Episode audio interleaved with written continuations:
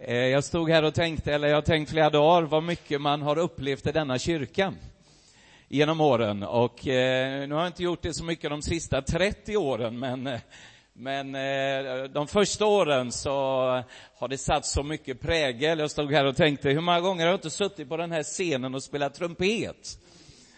Med Sven Nilsson i, eh, som anförare och eh, det var i denna kyrka jag lärde mig att spela trumpet efter jag fick kicken i musikskolan i Lindome. Där jag gjorde blockflöjtstest och eh, lärarinnan och sa, Micke, jag tror inte musik ligger i dina gener riktigt. Och i tredje klass så gick jag hem och var ledsen och så var det någon som hette Sköld som bodde här tror jag. Och eh, han lärde mig att spela trumpet, men eh, jag tror han var mer positiv än vad det egentligen var kraft i orden alltså. Han, eh, han var väldigt vänlig och snäll och han ska, det här ska nog gå det här Mikael, sa han, men eh, jag är faktiskt glad att trumpeten är såld. och jag tror ingen hade någon större glädje av det. Men det var underbara stunder och det är underbara minnen. Och ibland är det som att ju äldre man blir så värdesätter man det man formades först av. Är det inte lite så? Och man blir nästan lite, min fru säger, du börjar bli lite hönsig, säger hon. Eh, men på något sätt så blir det som startade i ens liv blir väldigt, väldigt dyrbart när man blir några år äldre. Och eh, jag vill verkligen säga det att det har betytt så enormt mycket de första, vad ska man säga, formande åren som var här i församlingen. Och jag känner mig därmed väldigt hemma här idag nu då. Så om det blir lite högt eller jag lite periodvis är lite sådär så hoppas jag ni ursäktar det för det brinner en eld inne i mitt hjärta. Och den elden har inte gått över, för det var här jag fick den. Det här var jag fick det. Jag glömmer aldrig bibelstudion med Roland Lindahl, han är här idag, Roland och Birgitta och, och med Ingmar och många, många som har varit en del av ens liv och eh, har satt så otroligt djupa spår. Och eh, det är väldigt härligt. De första missionsresorna, jag fick nåd att åka med på när jag var 16 år. Jag gick ju bara fem veckor i gymnasiet. Läste in allt på fem veckor. Eller också var det en annan orsak. Men jag satt där på Fässbergsgymnasiet och jag bara hade fått möta Gud och det brann så inne i mig. Och så satt jag och läste, löste några matematiska uppgifter och jag bara tänkte, vad gör jag här? Hur hamnar jag här? Vad ska jag, vad ska jag ha X och Y mig i det här livet och allt vad det var. Och jag gick hem till mor och far, vilket är med här idag nu. Min fru kunde inte åka med, hon är i Nepal och arbetar med våra barn där borta. Så hon hälsade så gott här på telefon igår kväll. Men, eh, men när jag satt där så kände jag en sån brand, jag vill, jag vill, jag vill förkunna. Och den där branden är väldigt svår att ta sig ur om den väl har börjat brinna. Det är otroligt, det heter kallelsen. Och jag satt där och jag gick hem och mor och far tyckte inte det här passade att sluta skolan och det, det var säkert inte kanske så bra, men, eh, men för första gången i mitt liv så skolkade jag på Fässbergsgymnasiet. Och jag gick ut och grät och jag sa till Gud, jag vill ju följa dig. Och helt plötsligt var det några ord som kom ifrån Ingmar här då, som levde i mig så starkt. Och så sa han så här, och det här ska jag predika om idag.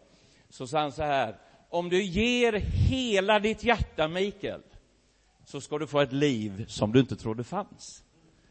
Och den kombinationen där tyckte jag var väldigt tilltalande och så jag får väl skylla på Ingmar att jag slutar skolan här nu. Men, eh, men i alla fall så blev det och eh, strax därefter så åkte vi till Portugal då på, på ett antal resor och sen så har vi faktiskt rest sen dess i 30 år här i år nu då. Och eh, vi är väldigt tacksamma till Gud. Så innan jag börjar predika nu om det här med hjärtat då, så vill jag bara ge en liten snabb referat vad vi gör idag. Eh, jag jobbar ju mycket utomlands och eh, både i Afrika och Asien väldigt, väldigt mycket och i Sydamerika periodvis också. Men eh, eh, vi har för fem år sedan stött vi på ett väldigt, väldigt märkligt problem.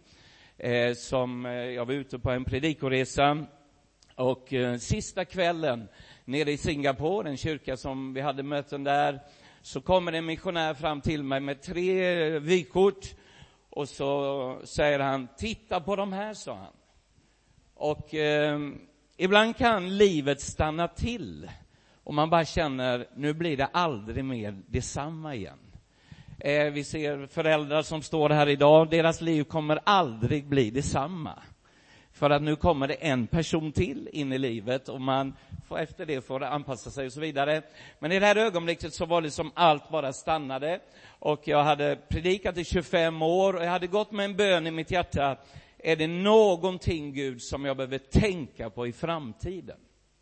Som jag inte liksom, så jag inte blir oaktsam på något sätt. Och eh, så fick jag de här korten och så, så sa den här mannen, det var en flicka, hon var nio år gammal. Hon stod i utmanande kläder. Den andra flickan var åtta år, lika utmanande. Den tredje flickan, hon var sju år. Och så tittade jag på det, så sa missionären så här, Mikael, de här tre flickorna är prostituerade. Och sju, åtta, nio år. Och och hela min värld bara stannade till. Och jag, jag satt och tittade på de här, och den här sjuåriga flickan, bägge hennes ögon var inslagna. Hon hade två stora blåtiror på vardera ögon, där den här mannen då hade bara slagit och slagit denna sjuåriga tjej. Och så sa han så här, kan vi hjälpa dessa? Och eh, jag vet inte hur du skulle sagt, men eh, jag visste inte vad jag skulle säga, för jag blev så chockad och så sa han, det här med barnsexhandeln håller på att sprida sig som en löpeld över jorden nu. Och eh, det rör sig inte om hundratusentals barn, Mikael. Det är miljoner barn som är på drift över Asien, framför allt just nu. Och ni som följer nyhetsrapporteringen nu, ni vet ju att Isis och IS, nu har de sin starkaste vapen som krigföring, det är att våldta kvinnor och barn. Eh, eh, så det här är ett väldigt, väldigt stort problem på jorden och polisen här i Sverige, de säger det ökar inte nu från år till år, utan det här ökar månad för månad. Så det är en enorm negativ spiral som håller på att ske. Och eh, jag tittar på de här korten och så lämnar jag, tappar matlusten och jag tappar alltihopa. Så gick jag till mitt rum och så grät jag en hel natt. Och jag kände som Gud höll på att krossa hela mitt liv av tre kort. Och jag låg där och jag gick i det här rummet och så la jag mig på sängen en stund och gick och natten gick och jag kunde inte sluta gråta. Jag grät, jag grät och så sa jag till Gud, sänd någon. Det är en väldigt smidig bön för att slippa gå själv. Men ibland så blir man ansvarig själv för att göra något. Och klockan var kvart i sex på morgonen där och så upplevde jag som en liten viskning in i mitt hjärta. Vill du hjälpa mig att hjälpa dessa. Och eh, jag åkte hem, jag grät på flyget och hem till familjen. Och så några månader efter detta så fick vi via en kanal möjlighet att ta ut 34 stycken människor som jag aldrig har sett mer trasiga människor i hela mitt liv. Det var en sån smärta, det var små barn, det var unga flickor. Den ena flickan, hon, eh, det gick inte att få kontakt längre. Det var bara som livet var i kras. Allting hade gått i sönder. Och den världen lever vi i just nu. Den världen lever vi i. Vi kan ha det bra och vi kan ha gott på många sätt, men jag tror att vi blir skyldiga nu att bara sträcka ut våra händer mer än någonsin. Och jag tror det starkaste missionsmedlet och sättet att vinna världen för Gud idag, det är barmhärtighet. För när vi har barmhärtighet så kommer orden som ett tillägg, men kommer bara ord så vill folk inte ha det. Barmhärtigheten öppnar. Så vi fick loss de här flickorna och jag glömmer aldrig den ena flickan, hon heter Hanna idag, hon har bytt namn. Men den här folkgruppen då, när barnen är tre till fyra år så blir de lärda av sina föräldrar, av sina fäder, att ni kommer att säljas. Det kommer nu en dag om några år. Eh, när de går till skolan blir de våldtagna på vägen, de blir tafsade i skolan, i skolbussen. Och detta är då ett folkgrupp som eh, är helt utlämnade i fattigdom och har då att man i princip säljer alla flickor till sexhandeln på jorden. Det var någon som frågade hur stor är den här sexhandeln? Man räknar ungefär att det är 12 miljoner barn under 15 år som fraktas runt på jorden just nu. Och eh, ni som åker till Thailand, och det gör vi alla ibland, men eh, i Thailand bara förra året så är det 8 miljoner män som åker in, 21 000 män per dag, för att köpa prostitution. Så det här håller på att skena något så enormt över världen. Men så kom vi tillbaka några månader efteråt och då den här flickan Hanna speciellt, helt plötsligt så var det en glimma av hopp i ögonen. Och eh, jag frågade vad är det som har hänt? Hon tittade mig i ögonen och så sa hon, är det är så Mikael att jag har öppnat lite i mitt hjärta för Gud. Och jag hörde att Gud var en man. Så därför vill jag inte ha honom, för män hatar jag. Men så var det ändå på något sätt jag kände, och när jag bara öppnade lite sa hon, så är det som en, eh, hon förklarade så här, han, jag har fått nya kläder på insidan. Och denna flicka började en process och eh, eh, några år nu senare så är denna unga vackra tjej en upprättad ung flicka som har tagit sin sjuksköterskeexamen precis här nu och hon är en stark integritet i henne och hon är nu ledare för de andra flickorna som är på väg. Så vet du vad Gud är? Han är en Gud som gör under. Han är en Gud som älskar att förvandla. Och det här har fångat våra hjärtan. Hela vår familj har blivit fångad av det här. Och eh, har ju, vi har ju fyra barn då och den äldsta är ju 25 år och han är gift och jag är snart kanske på väg att bli farfar. Jag säger inte att det är så, men jag hoppas det i alla fall. Men, eh, men det här har fångat barnen väldigt, väldigt mycket och eh, de här 34 barnen nu har blivit drygt 700 barn. Och nu, nu är det en väldigt, väldigt apparat för att hålla eh, att rädda så många liv som bara går. Och de får utbildning och de får kärlek och de får det som de inte haft i sina liv. Och det har börjat en rörelse av en väckelse bland det här folket. Så deras föräldrar har börjat bli kristna. Den största halliken har blivit frälst. Han som har sålt hundratals flickor, han sålt sin fru, han har sålt sina två döttrar. Han kallade nu hem sina barn och kallade hem sin fru ifrån Mellanöstern. Och nu är det en upprättad familj och han är på väg att bli pastor nu i en av byarna där Gud bryter fram. Är inte evangeliet goda nyheter? Det är goda nyheter. Och eh, Gud är en Gud som bryr sig om de mest utslagna på jorden. Eh, så det är lite grann, ni får gärna vara med och bedja för det. Ingmarie hon är där just nu och eh, det behövs väldigt mycket stöd, det behövs väldigt mycket uppmuntran. Men eh, det, det, det går igenom med Gud och människokärlek. Det är underbart. Nu ska jag predika om någonting här idag. Nu, eh, nu, jag vet inte hur länge jag får hålla på här, men det är ju tio år sedan jag var här sist. Så det är ju en del att säga nu då. Men eh, jag ska inte hålla på jättelänge. Men jag ska tala om någonting som jag tror är eh, betydelsefullt för oss allihopa. Det står så här i Bibeln att framför allt som ska bevaras i livet, framför allt, alltså det viktigaste av allt, det som vi ska tänka på mest framför allt annat, som ska bevaras i livet, så är det hjärtat. Och så säger Rosebruken så här, säger så här att för ut ifrån hjärtat utgår liv. Och eh, jag ska hålla mig till den här texten idag. Det blir inte jättemånga bibelord, men jag ska hålla mig...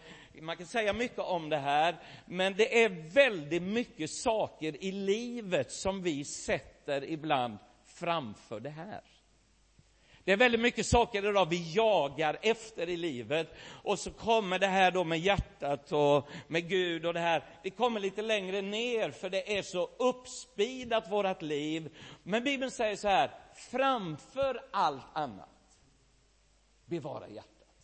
Och vad betyder det att bevara? Det betyder att skydda hjärtat. Bruka hjärtat och låt hjärtat få vara mjukt hela tiden. Olika översättningar på det här. Och eh, det här fick jag till mig för några, vi, vi jobbade här, det heter Love Nepal, och vi har då fått väldigt, väldigt många idrottsprofiler och artister som har valt att gå in och ta, kämpa den här kampen tillsammans då för att rädda de här barnen. Och eh, eh då åker jag hem till de här och träffar de här i hemmen. Och jag vill säga så här, jag upplever som att Sverige är vid öppet just nu. Det känns som eh, eh, portarna håller på att öppna sig vid öppet. Och eh, jag upplever som att eh, en av de här männen då, han kom till mig på ett möte och han är då personlig coach till eh, massa såna här kändisfolk och så vidare. Och han kom på ett möte av tvång för en tid sedan. För att en av hans adept, adepter är kristen och eh, då så, så, så, till slut fick han med honom till kyrkan. Och så, så satt han där, han hade aldrig hört om Jesus någon gång, den här killen. Han visste inte ens vad julen handlade om, han hade ingen susning längre. Kille i 40-45-årsåldern. Så satt han och lyssnade och predikade och, och så vidare, så vidare. Och så bad vi för människor i slutet och det var någon som ramlade här av Guds kraft. Och den här personen ramlade nästan där han satt. Och då hans kamrat är nykristen, så det var väldigt kul att se de här två på samma bänk. För den ene var chockad, hade aldrig varit med om det här. Den andra hade precis fått möta Gud. Så det var en viss ansiktsuttrycksskillnad. Och eh, när den här mannen då, eller kvinnan ramlade vid hans fötter så kastade han sig fram och skulle snabbt fram med telefonen och ringa ambulans. För han trodde då att, han visste inte vad det här var. Och jag tyckte det var en bra reaktion. Och så sa hans nyfrälsta kamrat, så sa han, det är Guds kraft, sa han. Och då säger den här mannen, det var ett himla liv på denna plats. Vilken, vad är det som händer där? Och så går mötet mot sitt slut och förklarar, så kommer den här icke-frälsta då, kändisprofilen, så kommer han upp till mig så säger han så här, det här var det bästa jag hört i hela mitt liv. Jaha, så jag, ja men vilken sång. Eh, vilken glädje, Herre. Och vilket tryck när ni håller på och ber det, sa han. Det är ju som alla är uppkopplade. Ja, så jag, vad, vad härligt att du tycker om det. Om jag tycker om det, sa han, det här kan ju rädda hela vårt land. Så där inte ibland till och med kristna inte tror på det längre, så ta Gud någon annan. Och så står denna mannen i 40 minuter här på scenen och förmanar mig att jag måste höja tempot i min kristna tro. Är ni med mig här nu? Och vad ska man säga när en sån man står där? Och så, så tittar han på mig och sa fattar du vad det här kan betyda? För socialtjänsten och förvandlade liv och, och så här. Det är ju det här vi ska ha, säger han. Och så glimten i ögat. Och så en stor bodybuildarkropp som bara bangar till mig så här. Och så lilla jag, jag var mindre för 30 år sedan, jag vet, men jag jobbar på det i alla fall. Och så står han där, och så efter då 40 minuter så säger han, nu säger jag till dig en gång till Mikael, höjer inte du tempot? Och jag var ju helt slut efter predikan. Nej, det var jag inte.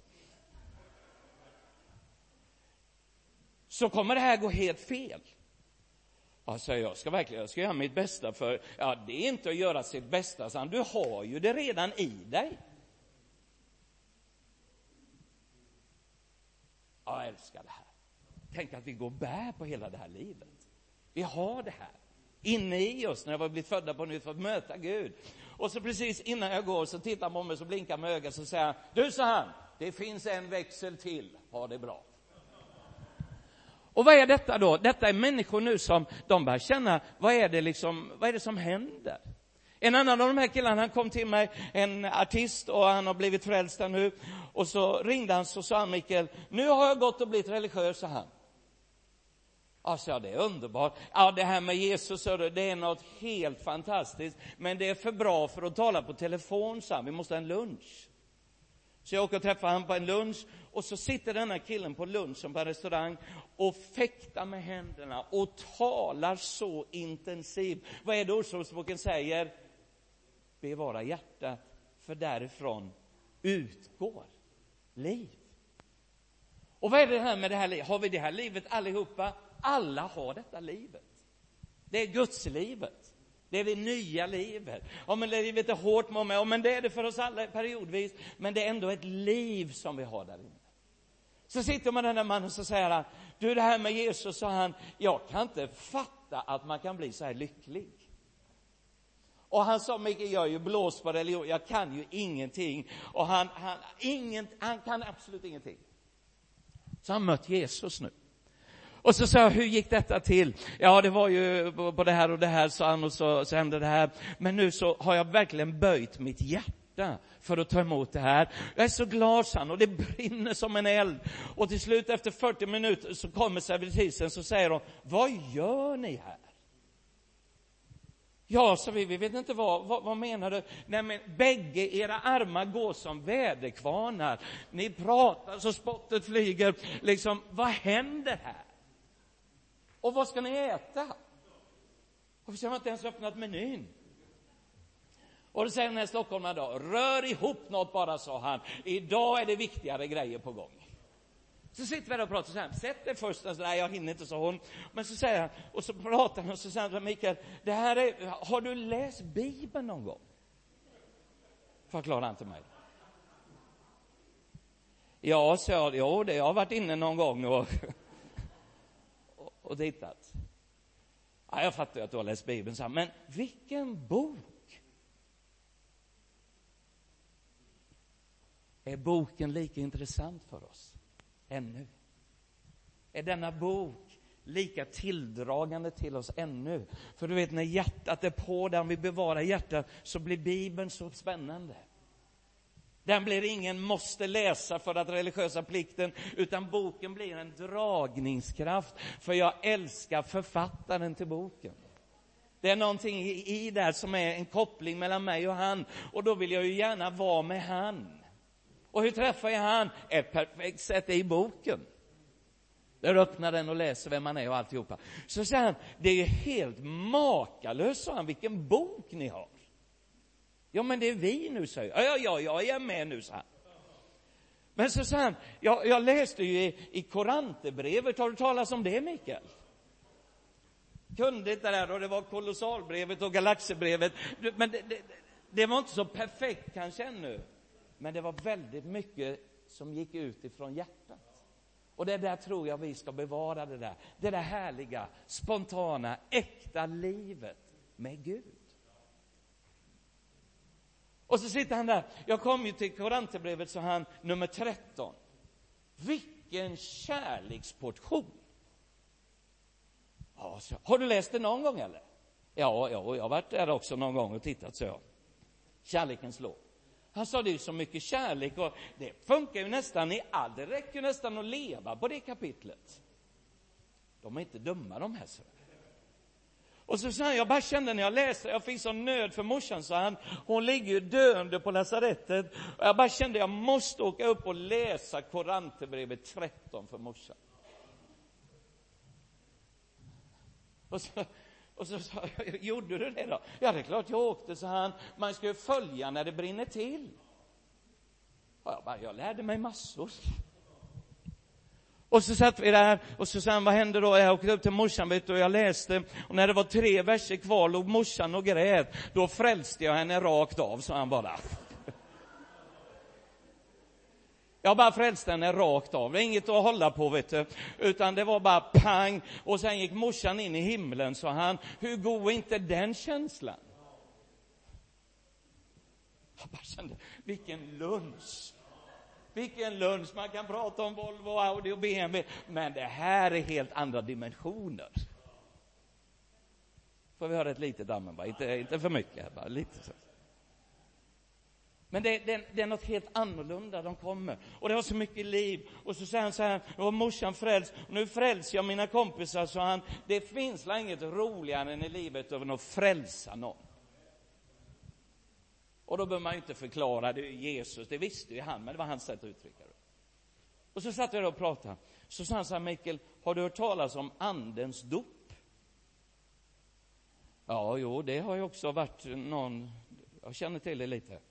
Men då ska man inte svara, då ska man, berätta du. Ja, det är helt otroligt, så jag har fått den här kraften över mig nu. Och när jag fick den så har jag helt slutat. Jag levt så orent med kvinnor och allt. Det försvann alltihop. Så är det härligt.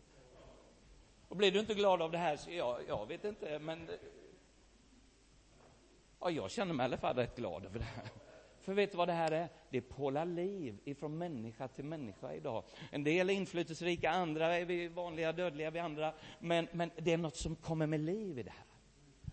Och så sa han, jag hur gick det till, så jag. Ja, det är ju prästen som har fört mig till det, så han. Jag hittade en präst, för jag, jag var tvungen att gå in och ta nattvarden, hade lite jobbigt en dag, och då kan man ta det på lunchen, så jag åkte in och tog nattvarden och lugnade ner sig. Och så sa prästen, du ska lära dig mer om det här. Och så blev jag andedöpt. Nu kan jag inte gå in på hela det här, men hela den här killen berättar sitt andedop och det bara sprudlade liv. Så efter en och en halv timme på lunchen så sa han Mikael, nu ska vi ta det här. Vi ska frälsa hela Sverige. Och vet du vad jag tror idag? Att Gud vill, och jag, jag, vill inte bara lite skämtsamt säga det, utan jag tror Gud vill stimulera den här längtan som är i våra hjärtan, men på nu och då behöver det friskas upp på nytt igen. Det behöver på något sätt komma till, vad var jag en gång i livet? Har det hänt saker ut med resan? Och en del säger att man mognar, men det här är inget som vi talar om dem. Här mognar man inte. Utan det här växer till. Det växer till. Och vad säger då Bibeln om detta med hjärta? Det står 600 gånger i Bibeln om hjärtat. Och då står det massa olika benämningar och vi hinner inte gå in jättemycket. Men det står så här att Gud är den som tröstar, styrker och leder de kristnas hjärtan. Så när det är någonting som är jobbigt i livet och saker händer, omständigheter händer, då tar vi vår tillflykt till Gud att han hjälper oss igenom de här tunga tiderna. Och när han har hjälpt oss igenom, vad händer då? Nej, men då blir rötterna ändå djupare, tacksamheten ändå större och man känner Gud är en trofast Gud som hjälper mig. Är livet en dans på rosor? Jag är den första att skriva under att inte är det. Jag står här idag med en svår trafikolycka som jag blivit överkörd med en bil och eh, min nacke har gjort mig tokig de sista sju åren värk, smärta, sömnlöshet, alltihopa. Men i allt det här och allt det som är just nu, så har jag upplevt att kärleken och beroendet har blivit större. Jag känner mig så fruktansvärt, eh, Paul, Paulus, han heter, den lille, eh, väldigt bra uttryck. För det på något sätt ibland skalas av allt det som man hade själv. Och till slut känner man bara, jag måste bara ha Gud. Jag måste få möta Gud. Och det är egentligen det som behöver skalas av i våra liv. Att vi kommer till punkten där hjärtat på nytt blir vidrört av Gud. En del kallar detta väckelse, en del kallar det liksom andens vind och så vidare. Vad det nu är för benämning, så tror jag att Gud i denna tiden drar oss mot hans hjärta drar oss emot det där livet, där vi kan bara känna, åh, nu är Bibeln så levande igen. Nu är det lätt att böja knäna igen. Nu är det någonting här. Det är en res resonans i mitt hjärta. Jag längtar efter Gud. Jag har legat vaken, legat vaken som han efter de sista sju åren och jag vrider och vänder och det blir aldrig någonting och, och man sover kanske en till två timmar per dygn och till slut så blir man väldigt nött i både sinne och kropp. Och det tar och sliter på det. Och då var någon som sa, men vad är Gud då? Han har aldrig varit närmre. Låter kanske som en paradox. Han har aldrig varit närmre än de här åren. Utan det är precis som på nätterna så säger han, kom till mig Mikael och så fyller han på kraft i hjärtat. När kommer det till kroppen? Det kommer någon gång kommer det till kroppen. Om det så är vid pärleportens ingång så kommer det i alla fall någon gång. Men vet du vad det är? Vi backar inte i alla fall. För vi vill ha våra hjärtan där. Och då har vi många, många benämningar i Bibeln och då finns det, eh, det står så här, jag ska bara läsa här nu. Gud, han känner ju alla människors hjärtan. Han känner vårt hjärta om då livet utgår därifrån så kan det också vara andra saker som utgår i hjärtat. För Bibeln säger vad hjärtat är fullt av. Det är det min mun talar. Som jag blir besviken eller bitter eller saker händer som jag inte går till Gud, så kan det där fylla mitt inre. Och till slut så är det inget liv som kommer längre, utan det är allt det andra. En av de här flickorna gick, vi var ute i den här byn som de här prostituerade flickorna. Så gick vi förbi en liten by och jag gick vid sidan om henne med, vi var ett helt team. Bara här för, för en tid sedan. Så tittade hon på mig. Så precis när jag gick förbi ett café så reste hon på sig den här flickan. Hon är bara 17-18 år. Så gick hon som en drottning förbi det här kaféet. Så sa jag, vad gör du nu? Det var där de kidnappade mig, sa hon. Det var där de hällde sömnmedel i teet. Och det var precis här så stannade hon som jag ramlade ihop. Och där stod hallickarna, slängde in mig där bak och så till gränsen och sen var det nya kurirer och till slut så vaknade jag upp i helvetet på jorden, på en bordell. Och när jag hamnade på den här bordellen så sa hon, så var det som allt. Jag fattade inte vad jag var, jag visste ingenting hur man skulle göra. Men jag såg några av mina kompisar ifrån byn som hade blivit bortförda. Ingen visste var de var. Och så är jag där, sa hon, och det tar bara några dagar och de ger lite träning hur man ska göra och alltihop på med kläder och så vidare. Men hon sa det var den smutsigaste plats man kan vara på. Jag vill säga så här, det här med barnsexhandeln idag, inga glamorösa platser. Det är fängelser de lever på.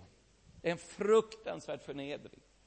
Och då säger denna flicka, så säger hon, Mikael, jag bara skrek, jag bara skrek för den första man som kom, han var över 50 år och jag var tolv.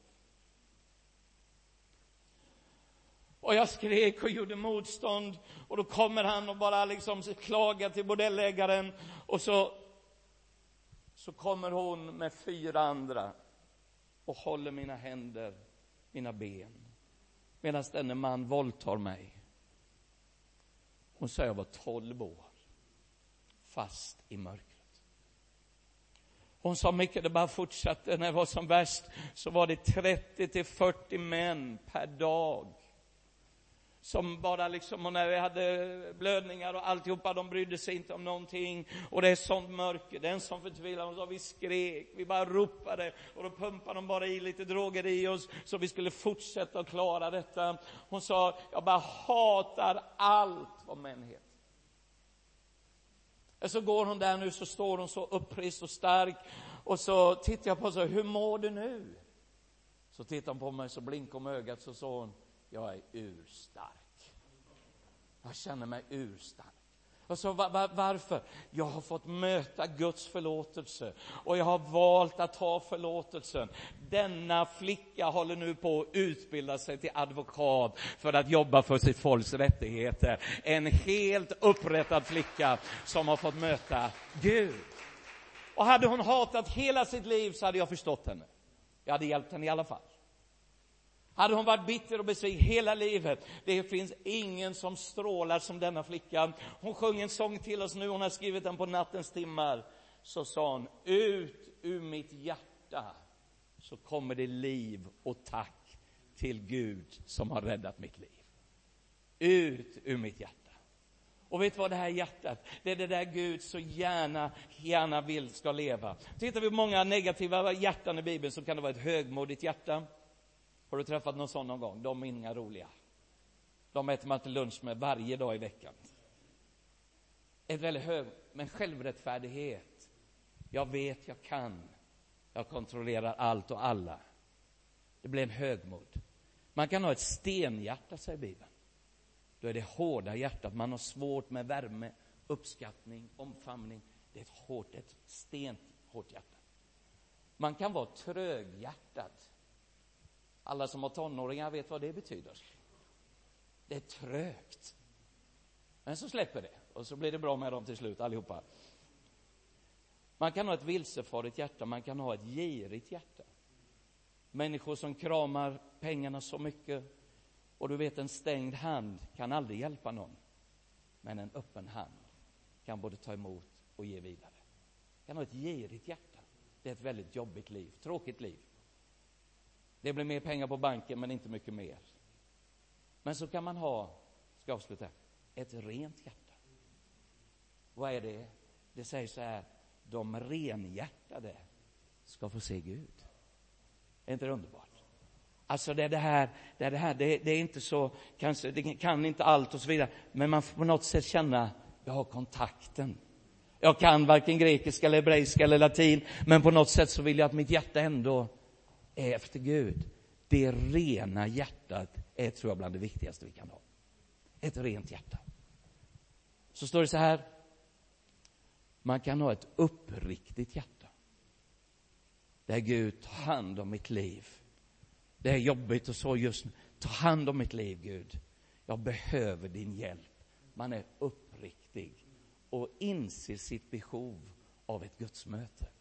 Om vi säger, men allt är perfekt, allt är perfekt, ja då behöver vi det ändå med, då skickar vi tacket. Så det här uppriktiga, det är någonting som är dyrbart för Gud. Rent uppriktigt. Och så finns det ett hjärta till. Ja, det finns många till. Finns det ett villigt hjärta.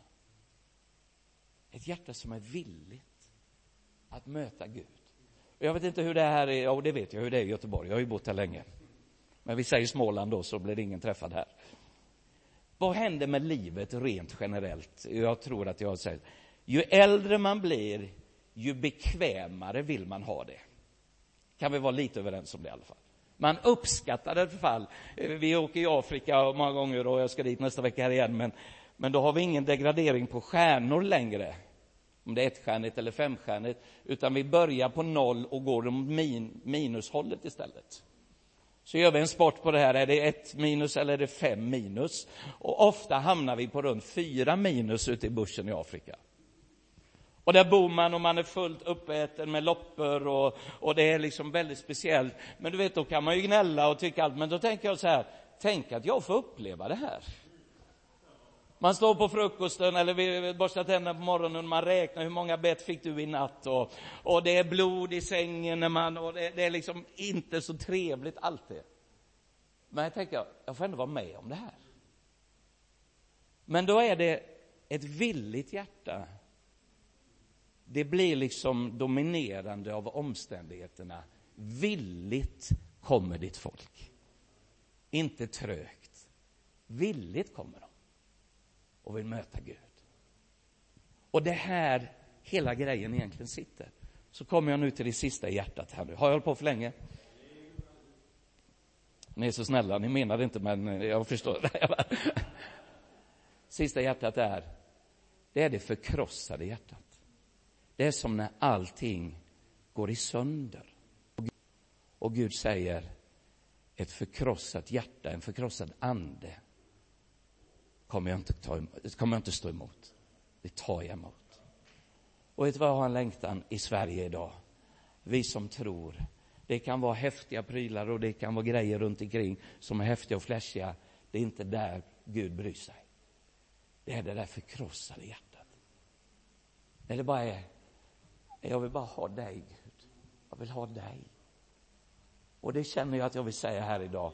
Hur många gånger har man inte legat på knä på de här bänkarna? Nu är de finare än vad de var. Ja, de var fina då, men nu är de bytta här. Men man har legat här och den äldstebröderna har bett för en genom åren. Vet du vad jag kan säga? Det känns som det betyder allt idag. De där mötena man fick här, tältmöten och så vidare, sommarkampanjer, allt vad det var. Det är en enormt vad jag känner det betyder i mitt liv idag. Och alltid var det så här. Jag glömmer aldrig några bröder, de profeterade här. Jag och Anders eh, Bengtsson, vi låg bredvid varandra. Och då kom de och bad böner. Jag fattade ingenting. Skulle åka ut i världen och... Jag fattade ingenting. Men ändå de där bönerna har gett en viss respons i ens liv. Men vet du vad jag tror Gud vill att vi ska ha? Förkrossade hjärtan. Det är mjukt. Det är mjukt. Och när vi jobbar med de här människorna nu i de här absolut längst ner och allt är hopplösa, så har vi känt, det är som livet har gått i tusen bitar och man hittar inte en bit ibland. Ibland gråter vi bara vi är knäckta för att det är så ont, men så gråter vi också som tacksamhet att Gud är så stor och kan inte bara lappa ihop, utan återupprätta ett helt liv så det blir vad han har tänkt. Och det är det här. Ska vi bara stå på våra fötter ett ögonblick här?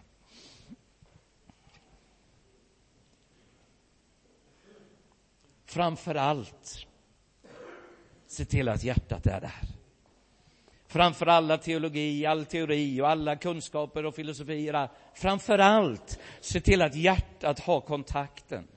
Det är det viktigaste enligt Bibeln här. Och, och Jesus han talar om detta i Markus, han säger det här är det viktigaste, att ni verkligen älskar Gud. Och du säger så här, men det här var en enkel predikan. Ja, men det är kanske det mest eh, primära i våra kristna liv att behålla det här, att låta denna lågan få leva det här, att få känna att det där hjärtat är förkrossat, uppriktigt, villigt, brutet och rent och bara säga Gud, jag bara säger berör mitt hjärta Gud. Varför är det så viktigt? För utifrån den beröringen kan jag beröra någon annan. Kan jag vara med och hjälpa någon annan? Och ibland så upplever jag i Sverige idag, det blir så mycket ord. Men det är mötena med Gud som är det avgörande. Det är inte om det låter perfekt och allting är snitsat, utan det är de där stunderna jag bara känner, åh Gud, ta mitt hjärta igen. Rör vid mitt hjärta igen, alla missar allt jag gör. Men Gud, jag vill i alla fall att det ska vara rätt i mitt liv. Jag vill att det ska vara en beröring från dig i hela, och kan denna liksom elden få ta tag i mitt hjärta så kan den beröra min fru, kan beröra mina barn och så vidare och så vidare och andra människor. Men det är det här Bibeln säger, bevara detta. Beskydda det här. Se till att det inte går om intet, utan håll det som en ledstjärna i ditt liv. Mitt hjärta till Jesus. Ska vi bara sluta våra ögon så ber vi en bön här och så kan vi vara redo lite med sången här. Åh Fader, nu bara vi tacka dig att du är här på denna plats idag.